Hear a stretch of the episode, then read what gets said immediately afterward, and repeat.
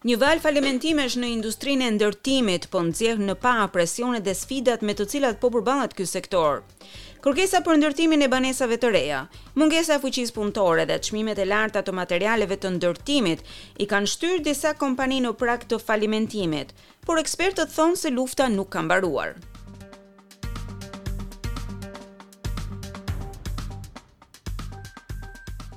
Sfida pa fund në sektorin e industrisë së ndërtimit në Australi. Dhe Kelly, e cila nuk dëshironte që të jepte mbiemrin e saj për SBS, është një nga ata persona të cilët e gjejnë veten në mes të stuhisë.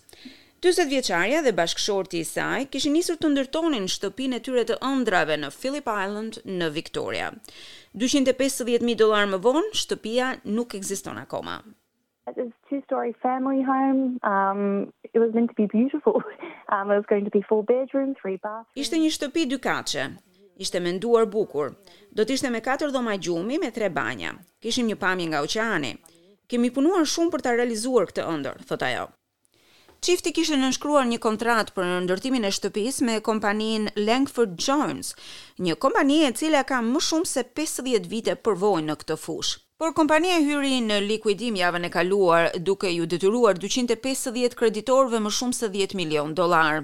Dhe sipas likuiduesve, Langford Jones ka lënë më shumë se gjashtëdhjetë e pesë shtëpi në faza të ndryshme të ndërtimit, duke përfshirë këtu edhe shtëpinë e Kellyt në San Remo.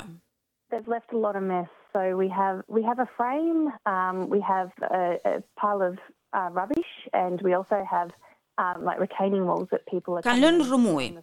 Kanë ngritur themelet, është ngritur dhe korniza, por tani kemi një grumbull plehrash. Kemi gjithashtu muret mbajtëse nga të cilat njerëzit po vjedhin lëndën drusore. Ato për të cilat i kemi paguar tani po vidhen.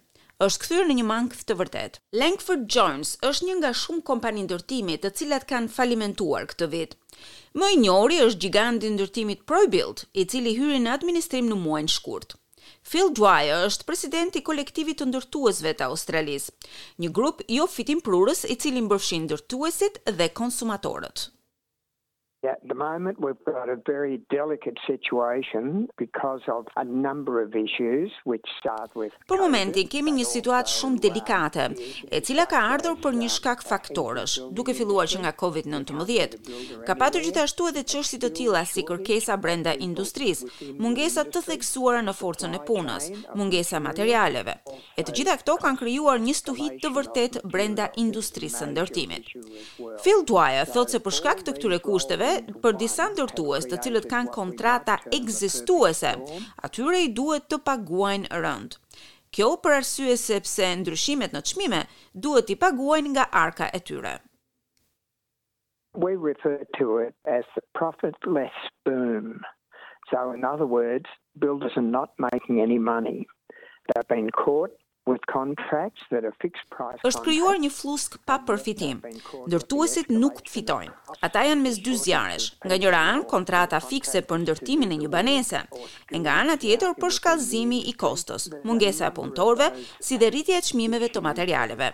Kjo situatë do të vazhdojë për një periudhë të gjatë.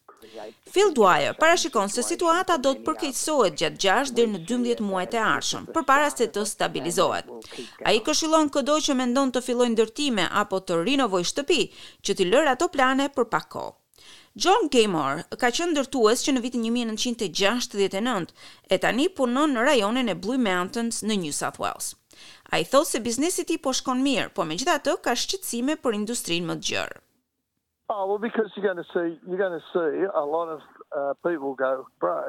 Do të shikoni se shumë njerëz do të falimentojnë. Ka shumë njerëz të cilët do të mbeten me shtëpi gjysmë të përfunduara. Po ju them, ne nuk duam një gjë të tillë brenda industrisë sonë. Duam që industria jonë të ecë me ritme të shpejta. Por ekziston një thënie e vjetër në industri. Askush nuk fiton para në një rritje ekonomike.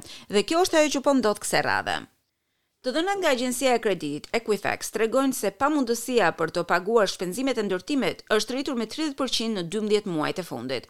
Por pjesa e sektorit të ndërtimit përfaqëson njëzet e tetë për qind të të gjitha falimentimeve në Australi. Këto shifra mund të duken të tmerrshme, po Scott Mason nga Equifax thotë se ato në fakt përfaqësojnë një korrigjim të niveleve përpara pandemisë.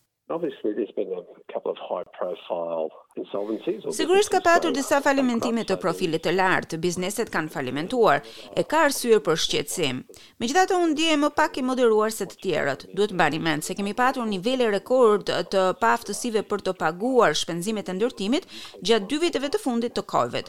Do të shikoni se do të ketë një rritje në muajin prill, siç e kemi parë edhe më parë, nga dyzet e shtatë deri në dyzet e tre për qind, duke u kthyer kështu në nivelet përpara se të vinte Covid.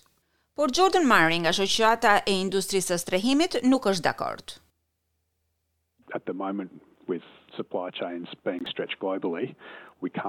Për momentin, zinxhirët e furnizimit janë të bllokuar.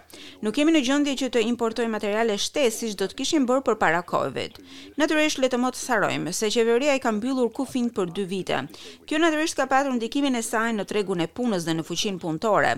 Ajo që do të kërkonim nga kjo qeveri është që të bëjë sa më shumë për të lehtësuar disa nga presionet që ndjejmë për momentin, si dhe për lehtësimin e mundësive që emigrantët e aftë të jenë në gjendje të kthehen brenda Australisë.